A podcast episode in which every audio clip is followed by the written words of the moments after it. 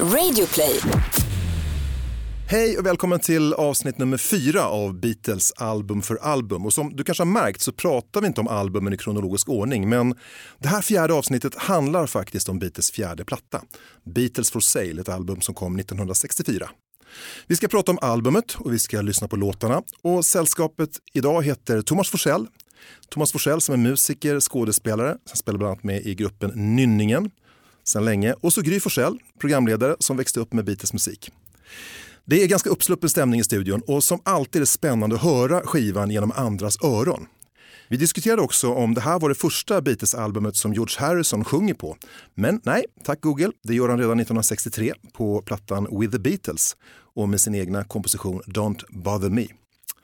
Ska också tacka för klippningen Oliver Bergman, vignettmusik Theodor Lindahl, foto Pelle Stybler och grafik Pierre Duras. One day you'll look to see I've gone But tomorrow may rain, so I follow the sun.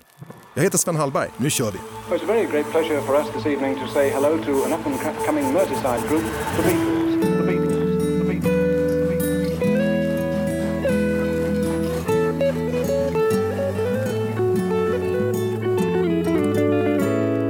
Hej och välkomna Thomas Forsell, Gry Forssell. Tack. Vi ska prata om Beatles i en period när Beatles är som absolut hetast. De står på topp. Det är så här Beatlemania i större delen av världen. De har eh, varit i USA i början på 64 och var med i ett tv-program där. Vad hette programledaren? Ed Sullivan. Ed Sullivan ja. Och där gjorde de succé. Så Gjorde att, du ett eh, litet koll nu på att se ifall pappa visste vad han pratade om? Ja, jag har glömt mina läsglasögon. Jag trodde du gjorde stickprov. Nej, men det, är riktigt, det är riktigt, de hade ju bara varit i USA och Tyskland. Va? Ja, precis. Eh, De gjorde en turné också till Asien här, Hongkong och sånt där. Nej, men så de är på topp verkligen Beatles, så att det är en spännande period. Men jag tänkte, innan vi börjar prata om skivan så tänkte jag att du Thomas som är musiker och skådespelare spelade med i Nynningen som kom i början på 70-talet. Men innan dess, eh, spelade du Beatles någon gång? Har du spelat pop liksom, den typen av pop? Jag tror att jag lärde mig nog spela gitarr genom att kopiera deras låtar, lyssna på deras låtar.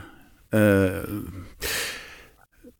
min första gitarr var en Lucky Seven som man kunde köpa via Bildjournalen och jag tror att jag lärde mig kanske 150 introduktioner på låtar. Vad innebär det? Alltså själva introt? Ja, bara introt, liksom, Ja. de första 20 sekunderna. Och sen så tog jag nästa låt. Min mamma blev vansinnig på mig till slut för hon ville att jag skulle köra hela låten. Men, men det var som att nej, men det var, man kopierade Stones låtar och Kinks låtar och Beatles låtar. Så här. Mm. Och så lärde jag mig spela på det sättet. Vilken Beatles-låt har bästa introt? För en gitarr? Ja, Lady Madonna till exempel. I feel fine är fin också, det här Ja, brummet. ja, fast det var ju första gången som man använde det, återkoppling på Ja. en gitarr. Och det försökte man ju kopiera många gånger. Eh, Stones hade väl sen fastboxen som kom eh, ungefär samtidigt de använde en, en distorsionsapparat. Men just den där återkopplingen som de hade i I feel fine, som egentligen skulle varit med på, på Stämmer. den här skivan men, men den släpptes ju först som på den amerikanska utgåvan som kom eh, året efteråt, eller Beatles 65 tror jag. Och det var ju så på den här tiden Gry, du som är ung. Att, Tack! Det är det Man, finaste eh, han har sagt till mig idag. Nej men alltså man vill ju inte släppa, låtar som har släppts på singel skulle sen inte ingå på albumet för det var inte schysst mot de som köpte LPn. Ja, men den har ju redan funnits ute, den var ju gammal. Så, det, Aha, är av det skälet, så många av Beatles låtar fanns ju inte med på, eller hits fanns inte med på album. Nej, jag tror det här är väl det enda album som Beatles gjorde där det inte finns någon singellåt med. Mm. Eh, både från Please Please Me och With the Beatles så finns det ju singellåtar. Men, men här kom ett album och det fanns ingen låt som släpptes som, som, som singel.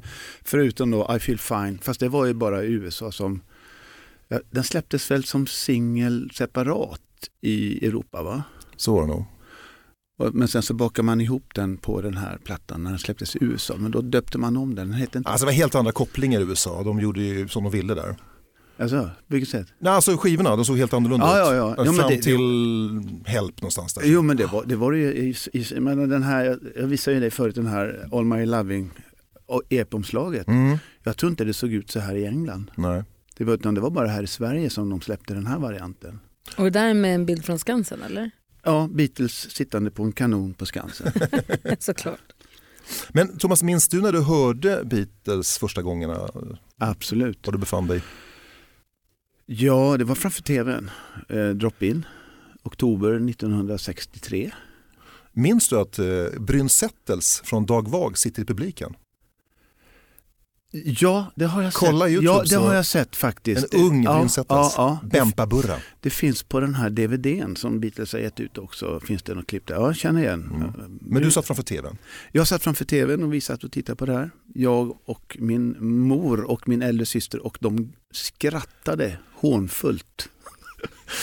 Och jag blev väldigt ilsken och försvarade det här långa håret. Eller det var inte långt håret, va? men det var, ju, det var någonting i deras uppenbarelse som de, de, de kunde inte ta in det. Det stämde inte med, med den, det ideal. Det där. Var det inte uttrycket också att det var lite vilt? De skakade på huvudet och var lite nonchalanta. Och... Alltså, det här är en tid när Sven-Ingvars och Hotell Singers är stora i Sverige. Ja, fast undrar om inte Elvis skakade på huvudet också? Det gjorde han. Och höfterna. Och Little Richard. Det fanns ju andra men, men det var... Och vad var det med Beatles som gjorde att du kände att det här, nu förändrades livet? Du vet, det fanns en tv-serie som hette Bröderna Cartwright. Ja. med, med eh, Adam Hoss, Little Joe och Pappa Ben. Och så, man hittar alltid någon figur att identifiera sig med. Jag identifierar mig med Adam, Pernell Roberts. Det var när vi lekte bit, äh, Bröderna Cartwright, då var jag alltid, gick in i Adam. Och jag kände direkt att det här med John Lennon var någonting som att, där var en frän jävel alltså. Det fanns något äh, det fanns något i uttrycket, precis som du säger, det fanns något i det här vilda uttrycket med lite obstinata, lite, lite underdog eh, från honom som jag kände liksom, ja, den, eh, den vill jag leka. Att jag, Pax får vara han. ja, jo, men jag paxade honom faktiskt. Ja. Ja, Och Gry då? Min- Minns du när du hörde Beatles första gången? Nej, alltså det har ju varit med mig hela mitt liv. Jag är ju född 73. Så att vi har ju, det har ju spelats Beatles, ja men alltid. De första tio åren av mitt liv när vi bodde tillsammans i alla fall. Mm. Jämt. Och jag har ju verkligen fått veta att, att Beatles är grunden till all musik, egentligen till all popmusik. Nej, men du har ju verkligen uppfostrat mig att tycka om Beatles, att gilla dem. Och jag kommer ihåg man skrev de här Mina vänner-böckerna. Man skulle skriva sin bästa popidol eller på. Jag skrev allt. Det var bara jag som skrev Beatles. Kunde inte stava till freestyle och Ab- ABBA lyssnade vi överhuvudtaget inte på. Så jag kunde ju vara Björn eller Benny när vi lekte ABBA. Det spelade mig ingen roll för jag hade ingen relation till dem. Det är lättare att stava till ABBA. eller? ja, men jag, så jag är uppvuxen men jag vet att Beatles är det bästa bandet och jag vet att John Lennon är ett geni. För det har du alltid, alltså förstår du, det har Mm, liksom aldrig mm. varit, det varit odiskutabelt hemma. Och det tänkte jag på nu när jag lyssnade igen på den här skivan som vi ska prata om idag. Eh, Inför att vi skulle se, jag ville bara friska upp mm, minnet lite. mm. Vilket jävla, eh, när lillhjärnan går på och man kan texterna till hela låtarna. Visst är det, visst är det, det är enormt? så sjukt, jag har inte lyssnat på den på så länge och så helt plötsligt bara sitter det där.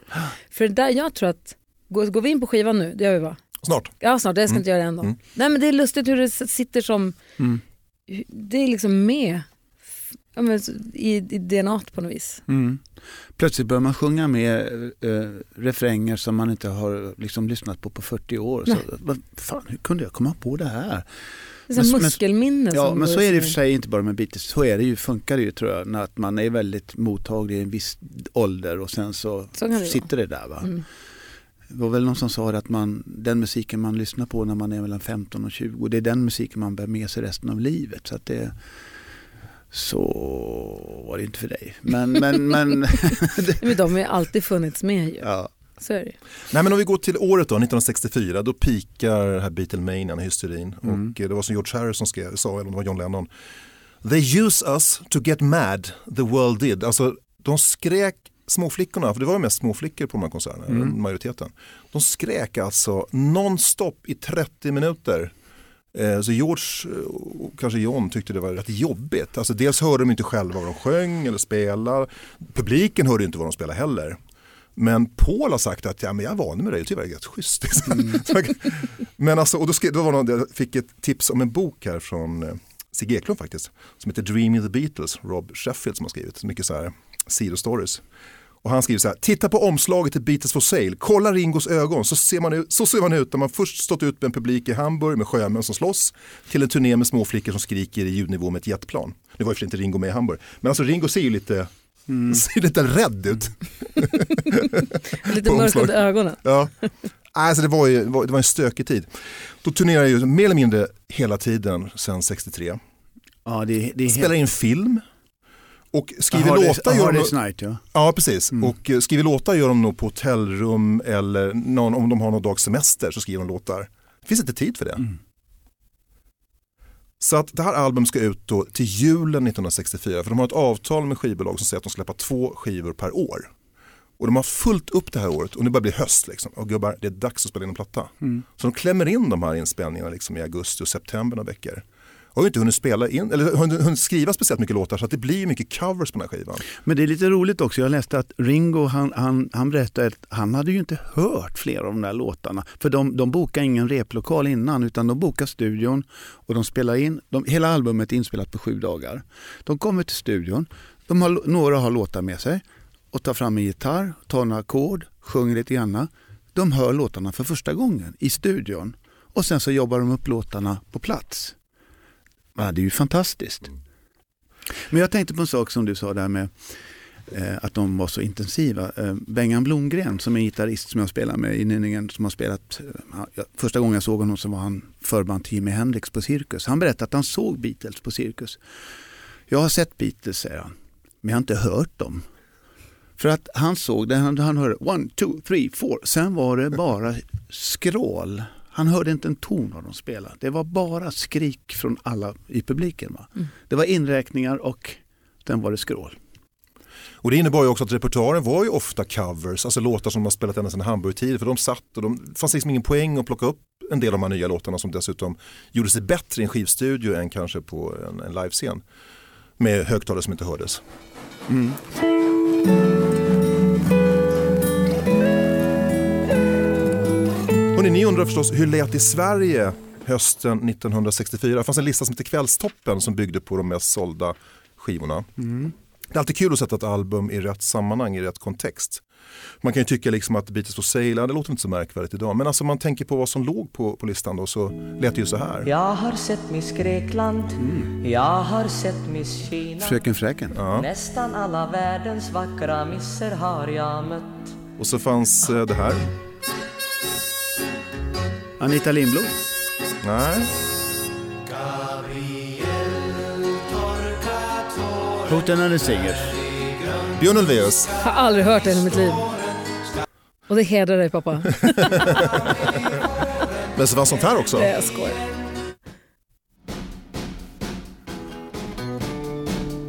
Roy Orbison.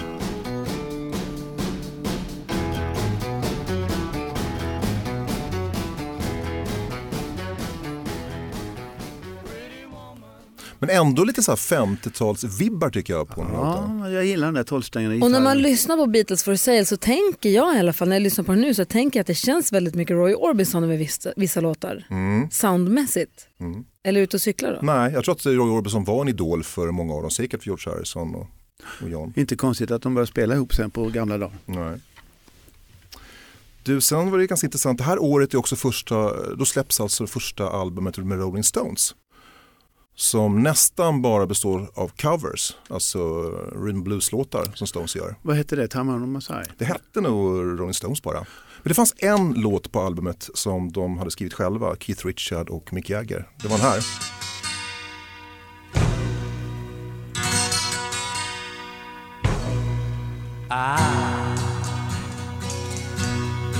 want you back again. Har du hört den här? Mm. Want your love again. I know you find it hard to reason with me, but this time is different. Darling,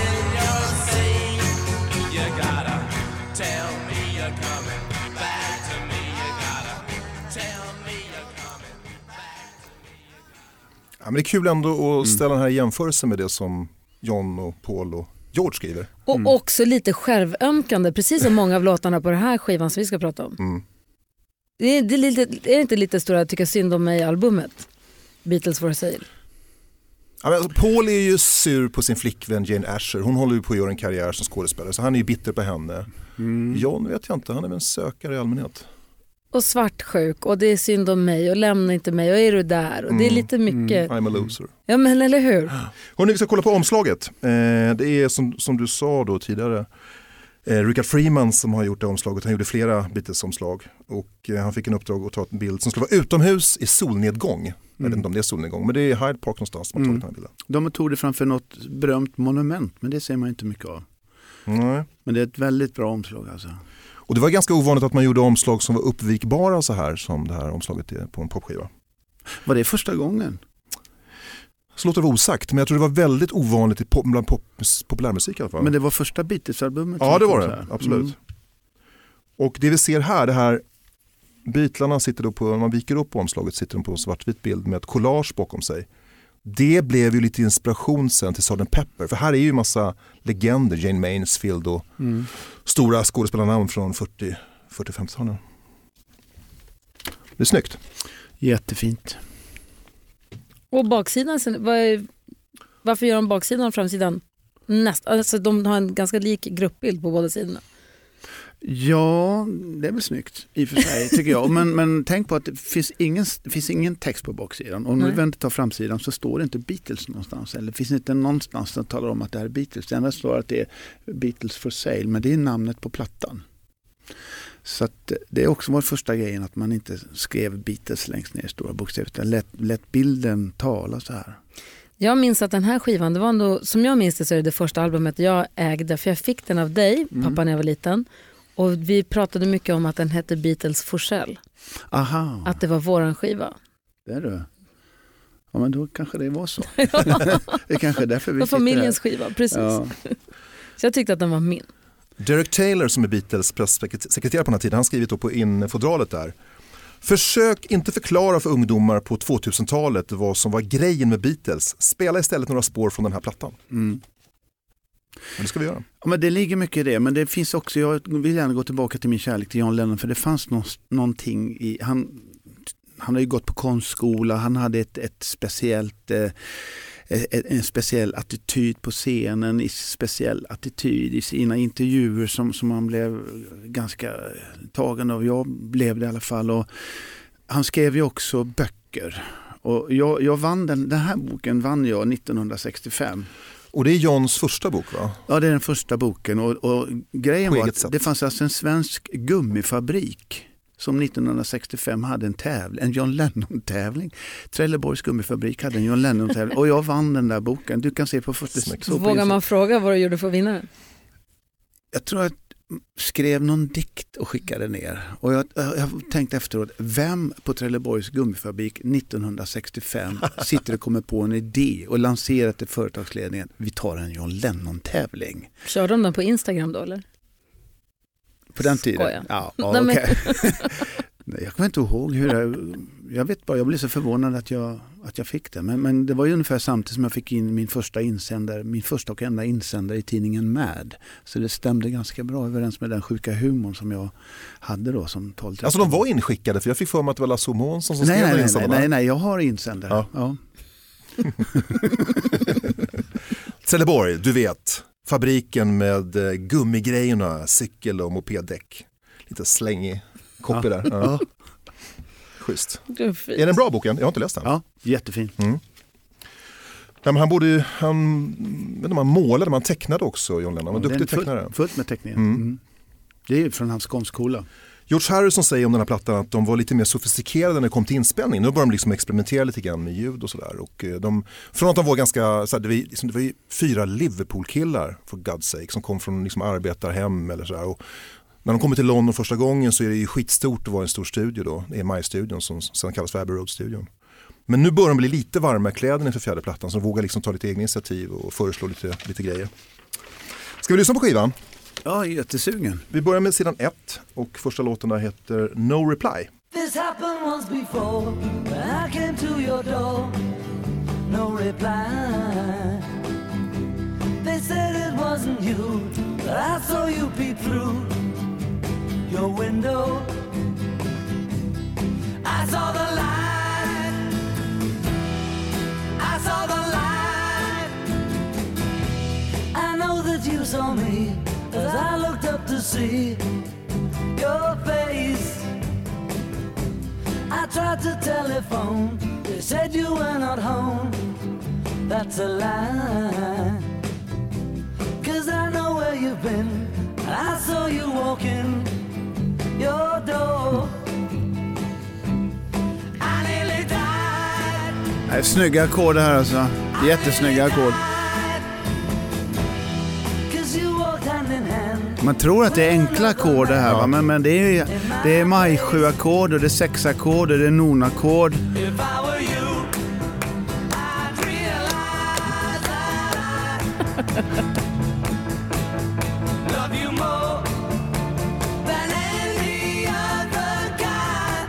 Me no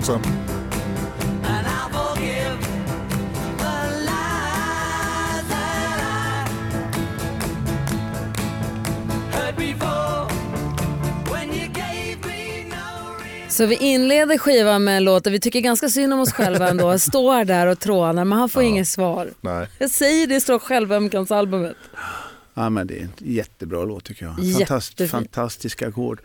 Och det, det roliga, jag läste någonstans att det här var egentligen en låt som de inte skulle spela in själva. De skulle nämligen, det fanns en artist som Brian Epstein hade som hette Tommy Quickly som eh, de hade skrivit en låt till tidigare som hette Tip of My Tongue tror jag.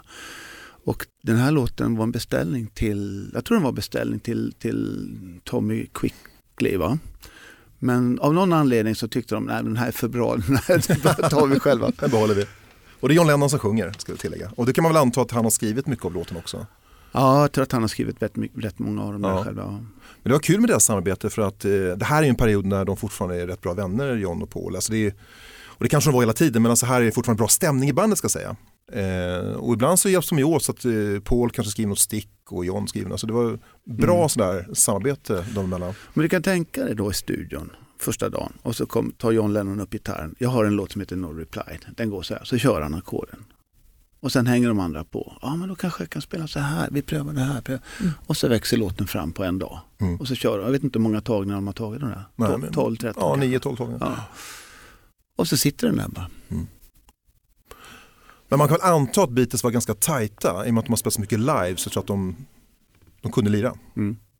Och de gillar ju att experimentera med ackord, de har ju förstått både John och Paul. Och, och, Jo- egentligen var ju Paul den duktiga gitarristen från början, han lärde ju John väldigt mycket har John sagt.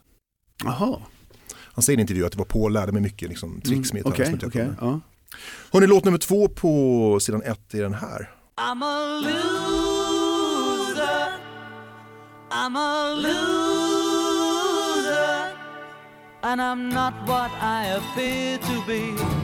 Of all the love I have won or have lost, there is one love I should never have crossed. She was a girl in a million, my friend. I should have known she would win in the end. I'm a loser, and I lost someone who's near to me. I'm a loser, I'm not what I appear to be. Although I laugh and I act like a clown, beneath this mask I am wearing a frown. My tears are falling like rain from the sky. Is it for her or myself that Fan vilken bra sångröst han har. Det är helt sjukt vad han sjunger fint.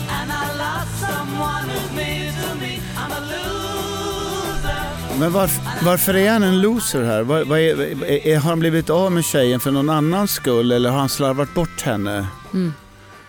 Jag har inte riktigt... Han säger själv att, eh, apropå texten då, att eh, John Lennon säger att han ibland känner sig, en del av honom känner sig som en loser Ja. och en annan del känner sig som Gud fader. Han är väldigt så här, ambivalent i sin, Mm, schysst munspelssolo där också. ja. Bob Var det- Dylan var- inspirerat. Ja, det här, de, de kallar det här själva, det var ju då när de bara hade börjat spe, lyssna på Bob Dylan den här perioden. Och det här var en av deras låtar som var inspirerad av Bob Dylan. Och då är det lite, lite konstigt när man kommer fram till sticket när Paul McCartney börjar spela walking bass. Där. Dum, dum, dum, dum. Det är inte Dylan. Nej, det är inte Dylan. Det är, inte Dylan, va? Det, det är mera liksom Stena Line. Va? Men, men eh, det funkar ju i den här låten. Alltså. Paul är lite checkare sådär. Ja, Ja. det är käckt. Nej, men alltså, det var tydligen så att George Harrison var egentligen den som upptäckte Dylan som sen introducerade den genom att ge eh, John Lennon Free Willing, det albumet. Och där liksom började John och snöa in på Dylans sätt att skriva texter och, och det här. Så jag vet inte om Paul var så mycket Dylan eh, fan som John och George var. Mm. Hur gammal var George? var väl född 45 va? Mm. Det innebär var att. George Harrison var alltså 18 år. Mm. 18-19 år när de spelade in det här. Nu har ju snorunge. Och, och han introducerade Dylan till John Lennon. Ja. Men man förstår ju vad mycket som händer i musiken den här tiden alltså. Och att initiativet ligger hos de unga, det är de som utvecklar den. Mm. Beatles blev ju influerade och inspirerade av Bob Dylan men det sägs att även Bob Dylan inspirerades av Beatles. Det var därför Dylan gick tillbaka lite mer till rocken och började hitta sina rötter där, påstås det. Mhm. Så det kanske var något typ Om du kors. måste välja pappa, Dylan och John, Le- eller John Lennon? Eh, som vad då? Du, båda hänger över ett stup, du ska rädda en av dem. Ja, Lennon såklart. Ja. Dylan lever ju. Så. Om jag inte sa det så var det I'm a loser och nu ska vi lyssna på Babies in Black. Oh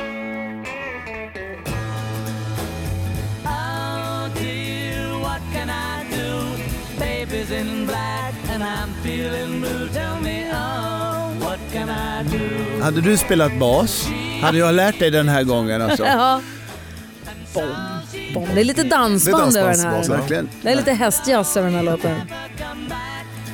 Men, men lyssna hur de sjunger. De två sjunger ju parallellt Ja. som stämsång. När de Genom, gör en liten tonartshöjning sen som är jävla fin. stämsång genom hela låten.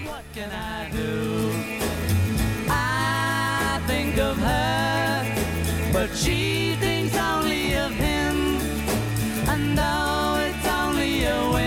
Funkar tydligen bra live den här låten sägs det. Alltså, Det var en bra live-låt.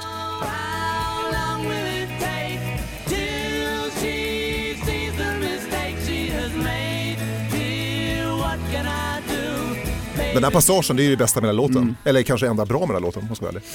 Och får jag bara flika in att det är synd om dem igen. Ja det är det. Livet är tufft. Ja, verkligen. Men Nej. den är fin. det är jättebra. Alltså, ska man jämföra det här sättet att sjunga så tycker jag att det är lätt att tänka på Mikael Wiehe och Björn Afzelius i sina bästa tider när de sjöng stämmer på det här sättet. Och faktum är att eh, jag har ju träffat eh, Björn Afzelius ett flertal gånger men en gång på en turné råkade vi hamna på samma ställe i Norrland och satt vi på ett hotellrum och körde Beatles just med varsin gitarr och några till. Och jag trodde att jag kunde Beatles-låtarna men Björn Afzelius kunde dem hundra gånger bättre. Han visste precis alla ackordbyten, alla klanger och sånt. Han var en riktig Beatles-nörd. Mm. Och det hör man också på hans sätt att sjunga, tycker Mm. jag. Och nu kommer ju den låten, visst är vi framme nu? Det här tyckte jag var en riktig Ja. rackarrökare när jag var liten. Jag vet Det inte här om det var singel men jag minns också den här från... Jag från minns det barndomen. väldigt tydligt. Jag får sådana flashbacks till Mjölkuddsvägen när vi bodde i Luleå och jag satte koronpinnen fast i, i fåtöljen där hemma så den kunde stå som ett mikrofonstativ och så sjöng jag i handtaget som man sköt mig på koronpinnen. Och så lät det.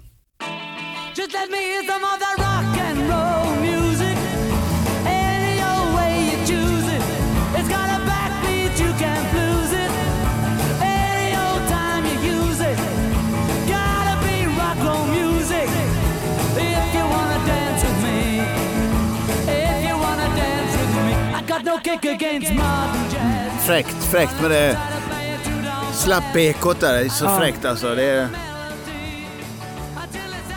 Jag gillar bäst när han kommer till mambon.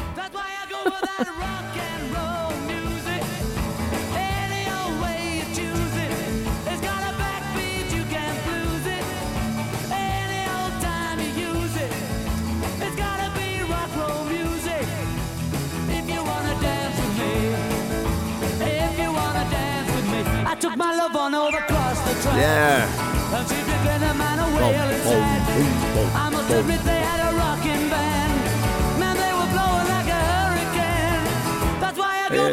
Är det inte lite klapp här?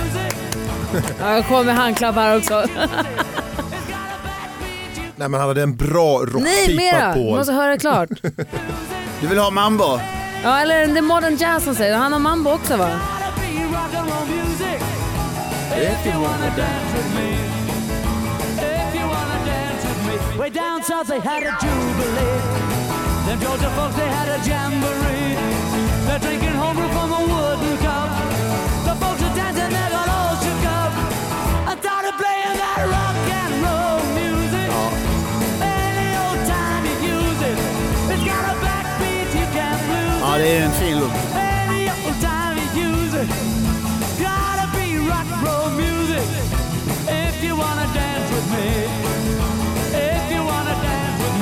Get to hear them play a tango. And in the mood they take a mambo. It's way too early for the Ja, hör han går upp på riden här. På... Ringo går upp på riden där. Och sen nu ligger han på hi-haten. Men just det här låg han ju upp på riden va. Det är jävligt snyggt. Och bra slut också på den här. Fats Domino.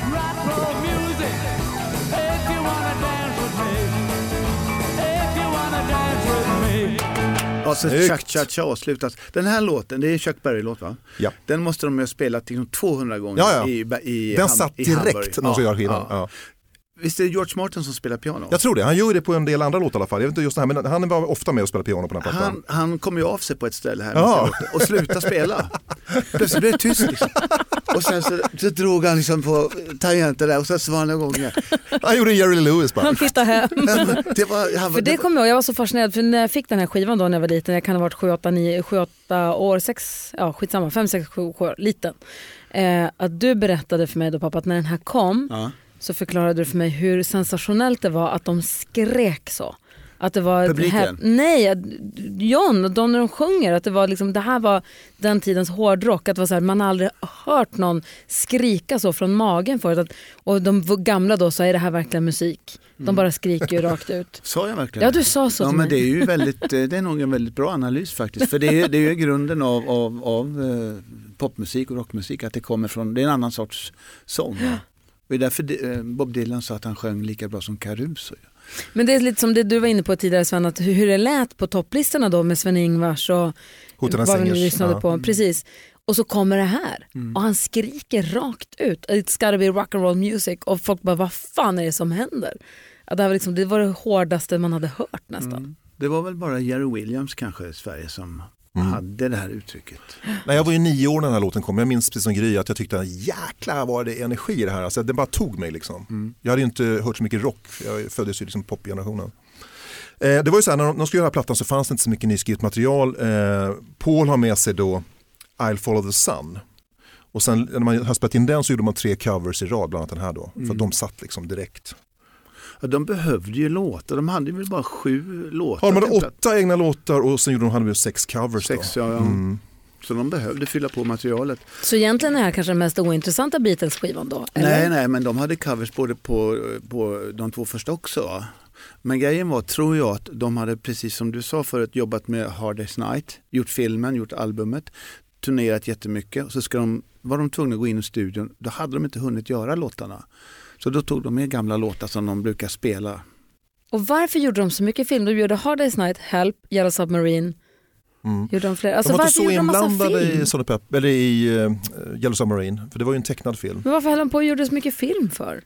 Alltså om det ändå var så att de hade mycket att göra och skivor som skulle göras och turnéer som skulle det var ett åkas. enormt tryck på dem, alltså utifrån. Alltså management och skivbolag och folk som skulle tjäna pengar naturligtvis på Beatles. Men det var ju en trend också. Elvis gjorde ju många musikfilmer där hans låtar presenterades och även Cliff Richard gjorde ju det.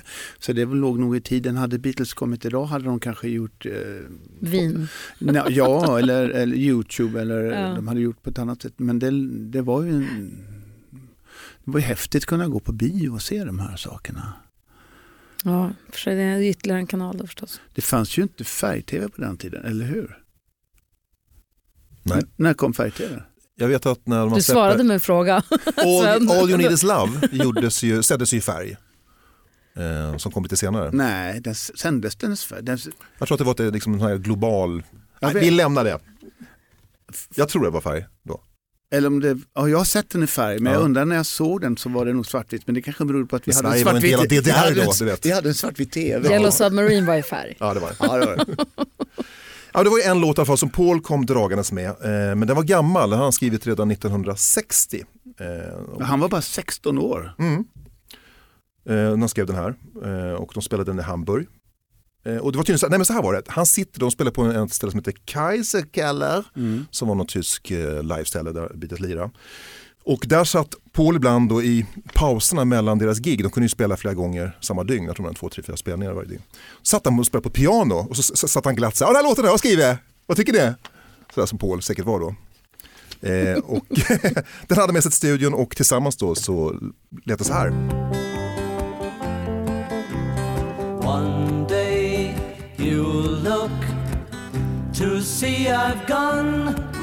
For tomorrow may rain, so I'll follow the sun. Someday you'll know I was the one. But tomorrow may rain, so I'll follow the sun. Det är snyggt hur de har dubbat. Han har dubbat sin egen röst här. Fast här kommer John Lennon, men i början så var det Paul dubbat.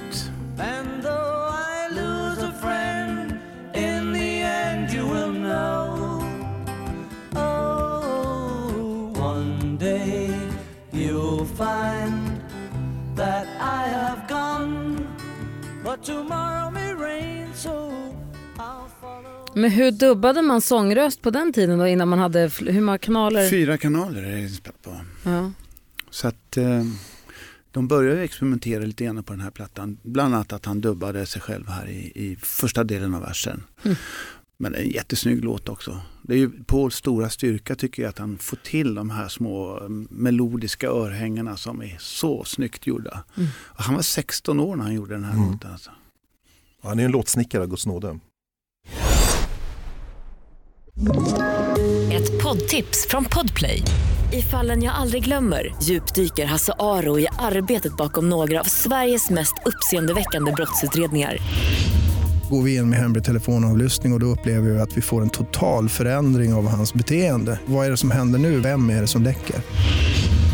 Och så säger han att jag är kriminell, jag har varit kriminell i hela mitt liv men att mörda ett barn, där går min gräns. Nya säsongen av Fallen jag aldrig glömmer på Podplay.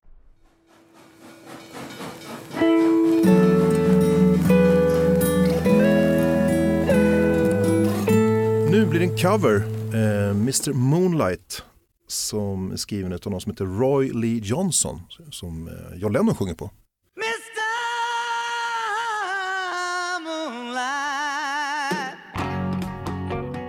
Och det här är väl den jag tänker på, är Roy Orbison inspirerad. One summer night. And from your beam you made my Undrar. Undrar om inte det här som George Harrison spelar trummor på en resväska. Kanske. You. Lennon som sjunger sägs vara Beatles sämsta låt. Fansen älskar och hatar den här låten. Den är rätt bedrövlig. And now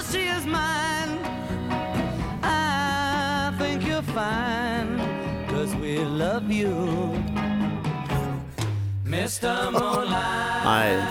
Nej, Men varför hatar ni den? Jag tycker den är kul. Lite tafflig, eller? Men jag tycker det är fräckt att börja en låt med sång så här. Mm. Som han gör på det här sättet.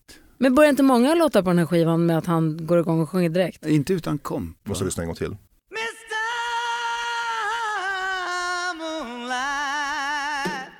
Nej, det låter väldigt amerikansk svart soul alltså. Ja, det är snyggt. Ja. Fräckt. Ja. Men varför älskar fansen och hatar den? Jag vet inte, det sägs bara vara en låt som eh, inte är speciellt så omtyckt. Men, men, men spela, kunde de spela den här live? Eh, ja, de hade spelat den många år live, påstås det, innan de spelade in den. Då. Med kappsäck alltså? Ja, jag vet inte om det blir mer covers. Det här är Paul McCartney i ett medley med Little Richard-låtar.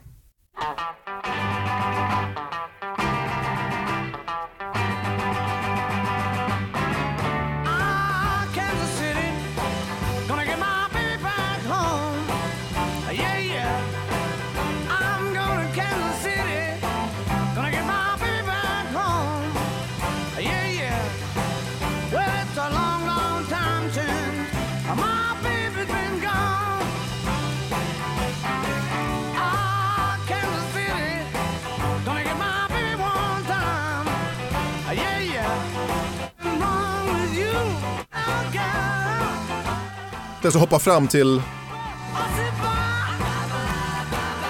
bye, baby, bye, bye. Men visst saknar man en kanal i lyssningen här?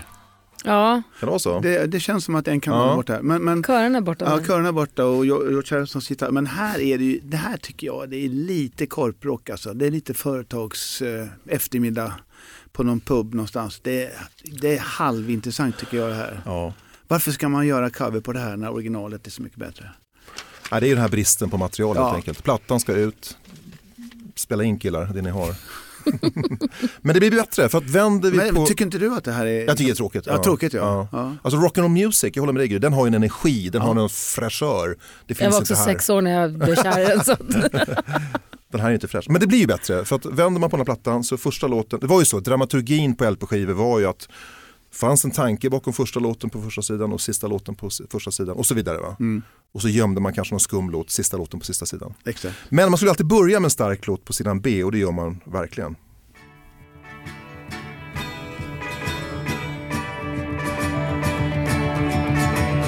Ooh, I need your love, babe.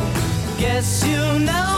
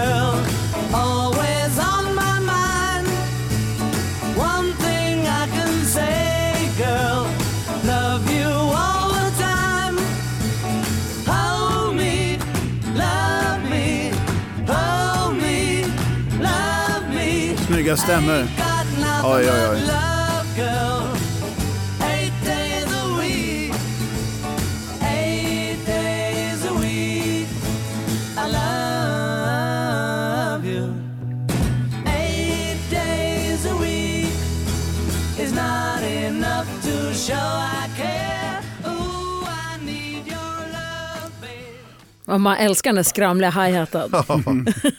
jag tycker det är Det är här. John som sjunger.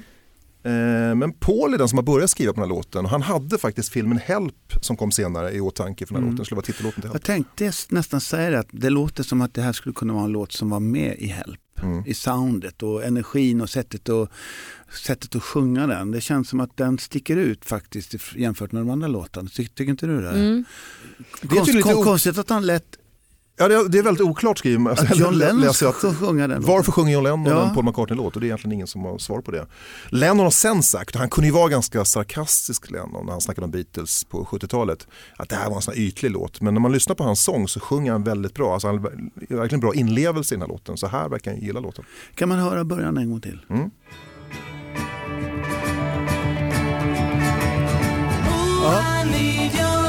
Precis. Och detta är ju, detta är ju första gången de börjar experimentera med en, en låt som intonas. Den börjar så, här, här anar man att de kommer in i studion, vad kan vi göra här? Ja, men vi tonar in låten. Det är första gången en låt tonas in. Ta det en gång till, så jävla snyggt.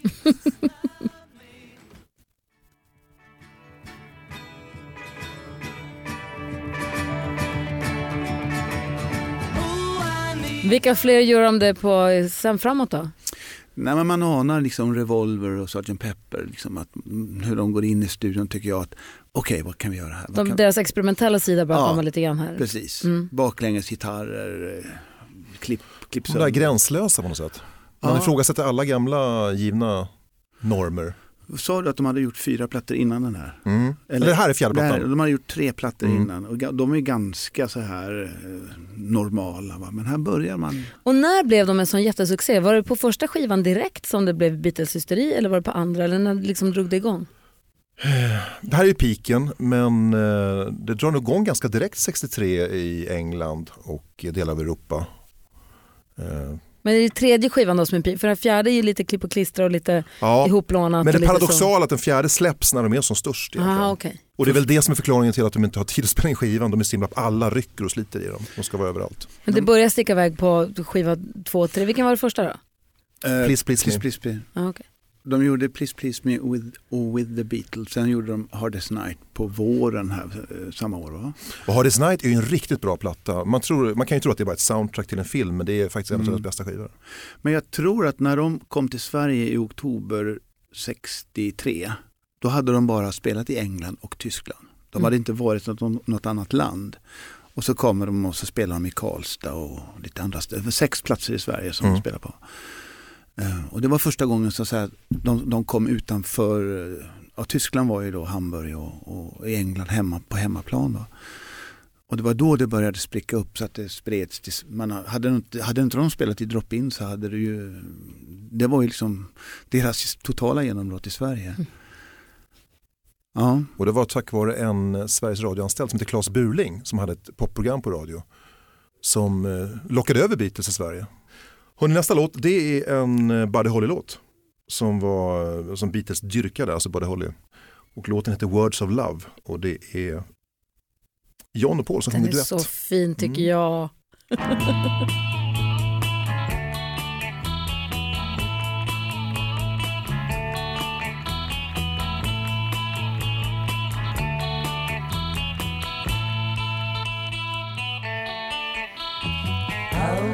close and tell me how you feel.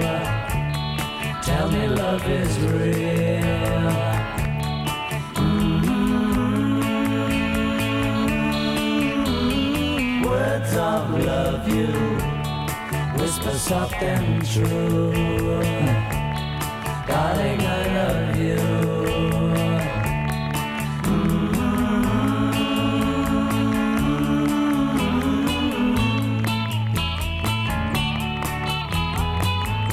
Här, här läste jag att Ringo ska trumma på en resväska där remmen är lös. Därför det fladdrar lite och lite baktakt. ah.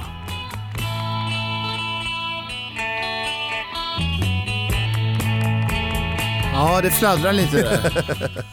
Lite ofrivillig Det var baktakt. lustigt, jag som inte är sån Beatles-nörd som ni, jag hade inte riktigt koll på att det var så mycket covers på skivan. Så för mig är det allt det här i Beatles-låtar. Men då när jag lyssnade på den nu här häromdagen bara så tyckte att den var så påtagligt lik så mycket annat amerikanskt då. Det förklarar ju saken. Mm. Jag satt och tänkte på Buddy Holly och på alla möjliga andra artister. Eh, det verkar fullt Ja, rimligt. de finns ju där, verkligen. ja. Mm. Och nu Jag blir det det. Carl Perkins och de har släppt fram Ringo bakom mikrofonen. Eh, Bara en liten tanke på den f- förra låten. Vilken fantastisk stämma det ligger i parallell. Vem är det som sjunger på den här eh, förra? Det ska vara en duett med John och Paul. Okej, de, de har två stämmor som ligger så här nära varandra i botten som jag hör nu. Som jag inte hört förut. Jättesnyggt alltså. Annars så brukar man ju lägga stämmor, man lägger en teststämma och så. Men nu ligger, tror jag det ligger en stämma under eh, huvudsången. Vem är det som sjunger? Är det på, John som sjunger den? Ja. Jag vet inte. ja, vi tar det någon Ja. annan gång. Jag får, jag får lyssna på det när jag kommer hem. De låter bra ihop i alla fall pojkarna. Jättebra. Nu är det Ringo som sjunger.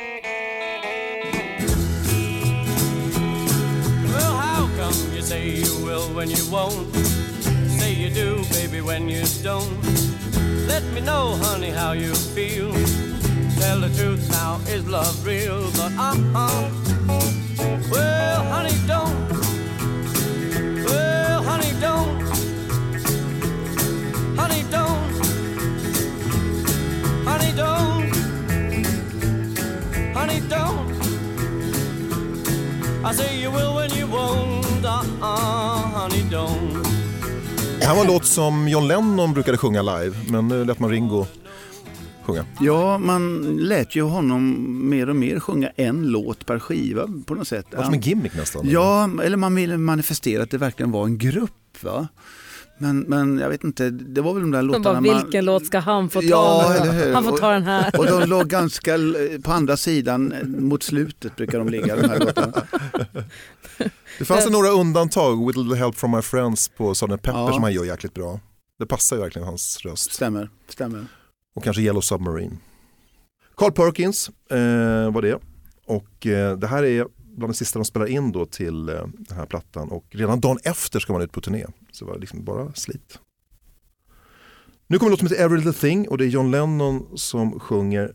Eh, men återigen verkar det som att det är Paul som har skrivit den här låten. Får höra. Walking beside her. People tell me I'm lucky. Yes, I know I'm a lucky guy. I remember the first time I was lonely without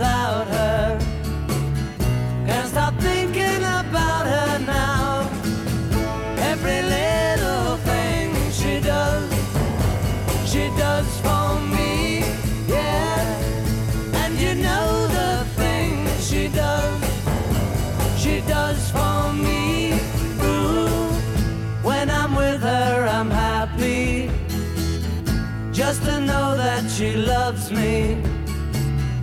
Yes, I know that she loves me now. There is one thing I'm sure of. I will love her forever.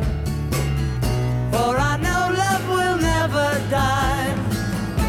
Every little Men du Sven, kan det vara så enkelt som du sa att Paul McCartney var ju osams med sin brutta när de spelade in det här. Han kanske skrev låten han gillade henne och så var han sur och så sa han jag tänker inte så sjunga för den där dumma bruden. Vara Du får ta den. Eller kan det vara så? Kan det varit så? Vilket fin gitarrspel det slår mig när jag hör så här. Akustisk gitarr. Var det Paul som hade skrivit den här? Mm, man tror det. Paul påstår för en intervju att han spelade upp den för deras manager Brian Epstein på ett möte där, de, där Brian kollade vad har ni för låtar killar. Liksom.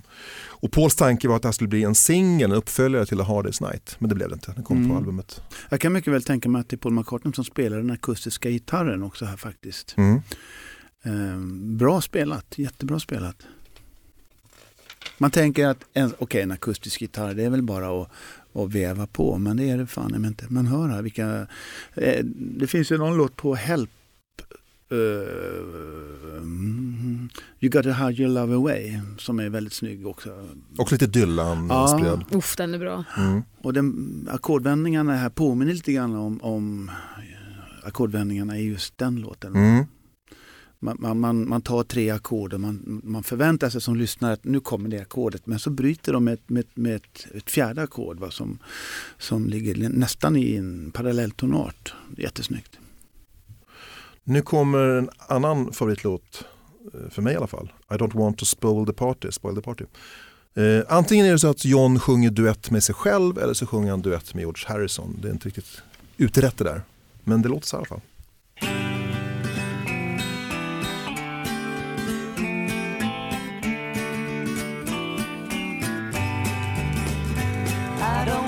Spoil the party, so I'll go. I would hate my disappointment to show. There's nothing for me here, so I will disappear. If she turns up while I'm gone, please let me know. I've had a drink or two and I don't care. There's no fun in what I do when she's not there. I wonder what went wrong. I've waited far too long. I think I'll take a walk and look for her. Though tonight she's made me sad, I still love her. If I find her, I'll be glad. I still love her. I don't wanna spoil Ja men det är väl fint att det är sådana fina olyckliga kärleksteman. Det, det, är ju, det är ju det man tyckte om när man var i den åldern. Såklart. Jag får för mig att det är John båda stämmorna. Ja, det låter så tycker jag. Men, är, han, ja, så- men är det inte lite gulligt? Här har du liksom fyra stycken killar i runt 20 som faktiskt öppnar sina hjärtan. Det är mjuka fina killar som pratar om känslor. idag, idag skulle man inte göra på det här Jo, sättet. då. jag satt och gestikulerade lite kanske att de tyckte att de var lite whiny och tyckte lite synd om sig själva att de håller på att försöka spela på någon form av låtsaskänslor. Men jag tycker det är gulligt också. Men jag tycker att han sjunger så fruktansvärt fint. Eh, och jag kommer ihåg, så tror jag, att det måste ha varit du också förstås pappa som sa eh, låten Girl, vilken Mm. skiva var den på? Is there anybody one?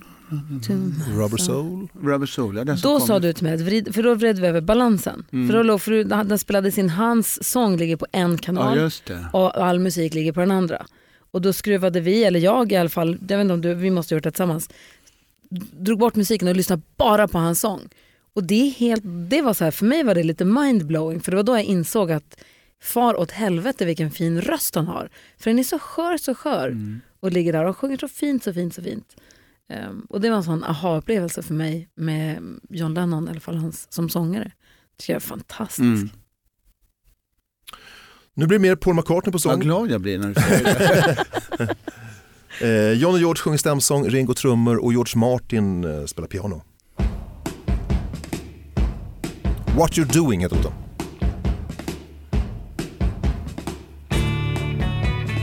Det är så fint att man lagt handdukar på virvelkaggen också för, Ja, att just få, det. för att få fram det här ljudet.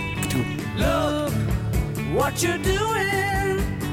I'm feeling blue and lonely. Would it be too much to ask of you what you're doing to me? You got me running, and there's no. Why should it be so much to ask of you what you're doing to me? I've been waiting here for you, wondering what you're gonna do. Ja, det är mer beklagande här Gry, men det här sägs att den här låten kom till just för att eh, Paul hade det struligt med sin flickvän. Jane Asher som var syster till vem då? Pete Asher som spelade i Scuffle va? Ja, hon spelade i den här duon Peter and Gordon Ja. som fick en massa hits med överblivna Paul McCartney-låtar. Så Paul McCartney skickade till svågern, men vi kan ta den här låten, så vart det hits. ja. Kom inte han med i Scuffle sen efteråt? Möjligen. Det här var en tydligen en strulig inspelning. Det kommer ju bli så sen senare bit, i samband med Beatles inspelning att Paul kommer bli liksom en ganska så här diktatorisk eh, orkesterledare.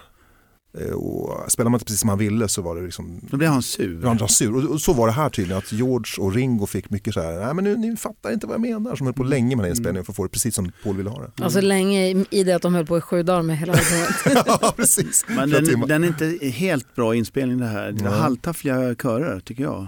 jag Den är- de är märkliga är körerna. Ja, men det, de, kommer in på- ja, jämför med de andra körerna i andra låtar som är så väldigt välgjorda så är det väl lite så halv halvwailigt tycker Och jag. hur, förklara för mig då, när de spelade in på den här tiden, Mm. ehm, hur pass mycket spelade man allting samtidigt?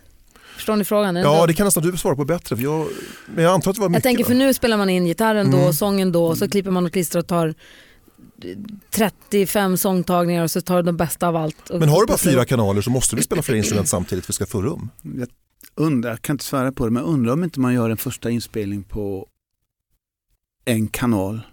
Och sen Spela in hela skiten bara. Ja, man lägger upp eh, bas, trummor och gitarr. Fast då får man inte någon stereobild. Eller använder man två kanaler för att få en grundstereobild och sen så kompletterar man med två kanaler. Alternativt pingpongar till två kanaler samtidigt som man lägger över ett pålägg och så har man två nya. Men för jag tänker det är så svårt att tänka sig idag för att idag om du spelar in någonting det är bara att flytta lite. Kommer kören snett så flyttar Ja, ja, du nej, den så att nej, den kommer rätt. Här kommer den snett så är den sned. Ja, eller också får man gå in och klippa med rakblad i, i bandet om, om man vill eventuellt byta mellan två tagningar. Men det, är- Ja men precis men bara så här den lite grann åt höger eller vänster blir inte riktigt samma. Nej, det, det var en annan klippteknik och en annan prestationsarbete. Sen var det inte så lätt att heller att klippa mellan två tagningar för det visste man inte hur tempot den ena låten var. Det var inte, man kunde inte klippa refrängen från en tagning till nästa om inte tempot funkade. Va? Mm. Eh, Så det var svårare. Men även Sgt. Pepper gjorde ju på fyra kanaler va? Eller sex möjligtvis. Undrar om inte han har uppgraderat studion då till sex. Jag tror att jag har Sgt. Pepper på sex kanals, eh, hela plattan på sex separata kanaler. Hur många Beatles-skivor har du? Uh, menar du, de gjorde väl 12-13 som grupp och sen så finns det väl allt annat då runt omkring. Det som George gjorde och ja, Ringos skivor har jag inte samlat på. Om jag ska vara ärlig. Annars, annars har jag allt annat. Jag vet inte ens vad de heter. Säg inget till Ringo. Nej. Eh, Sista låten på den här plattan heter Everybody trying to be my baby. Det var en Carl Perkins cover och det var George Harrisons tur att få sjunga. Och George Harrison var en stor fan av Carl Perkins. Han har tydligen kallats för Carl Harrison när han turnerade i Skottland tidigare. Lite humoristiskt. some Dressed it up and they called it me. Everybody's trying to be my baby. Everybody's trying to be my baby. Everybody's trying to be my baby now. Woke up last night, half past four. Fifty women knocking on my door. Everybody's trying to be my baby. Everybody's trying to be my baby. Everybody's trying to be my baby now.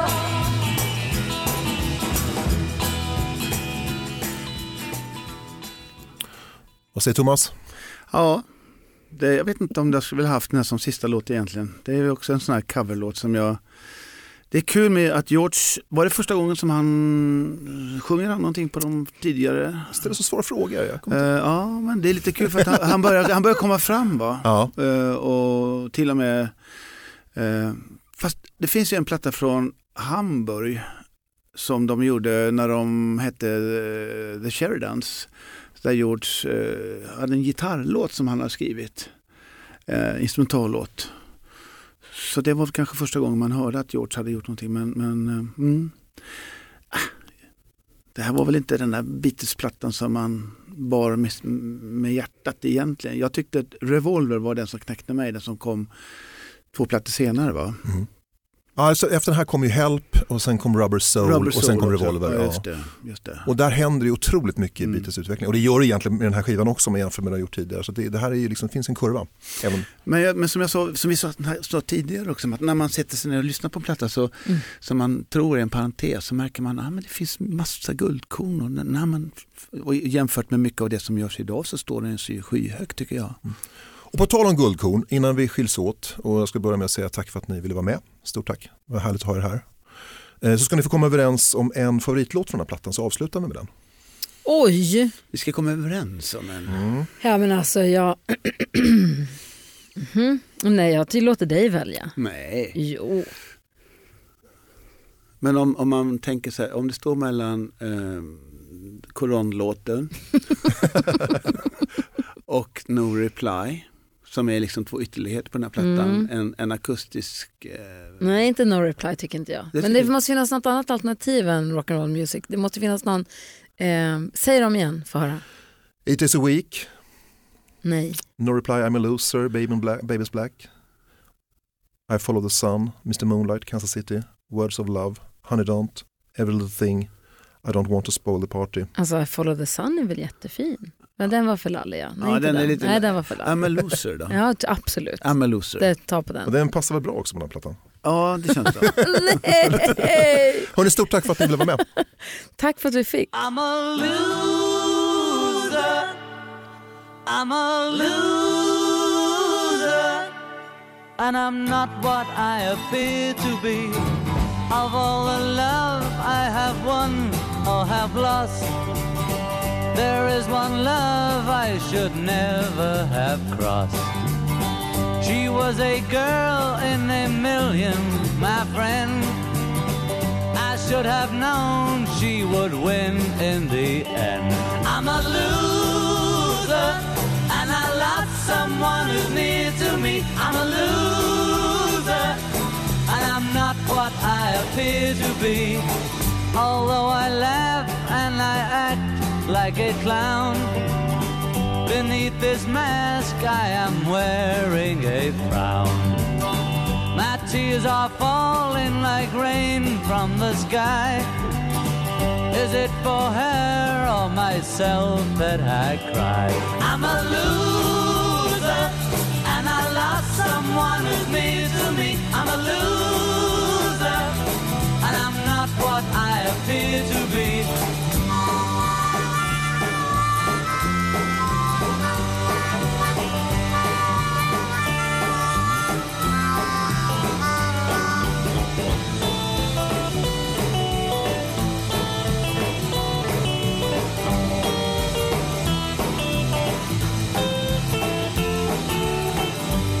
Have I done to deserve such a fate? I realize I have left it too late. And so it's true, pride comes before a fall. I'm telling you so that you won't lose all. I'm a loser, and I lost someone who's near to me. I'm a loser, what I appear to be.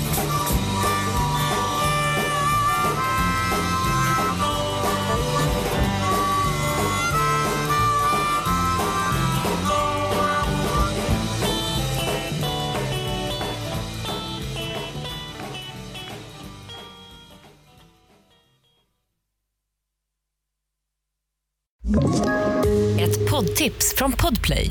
I fallen jag aldrig glömmer djupdyker Hasse Aro i arbetet bakom några av Sveriges mest uppseendeväckande brottsutredningar. Går vi in med hemlig telefonavlyssning och, och då upplever vi att vi får en total förändring av hans beteende. Vad är det som händer nu? Vem är det som läcker? Och så säger han att jag är kriminell, jag har varit kriminell i hela mitt liv men att mörda ett barn, där går min gräns. Nya säsongen av Fallen jag aldrig glömmer på Podplay.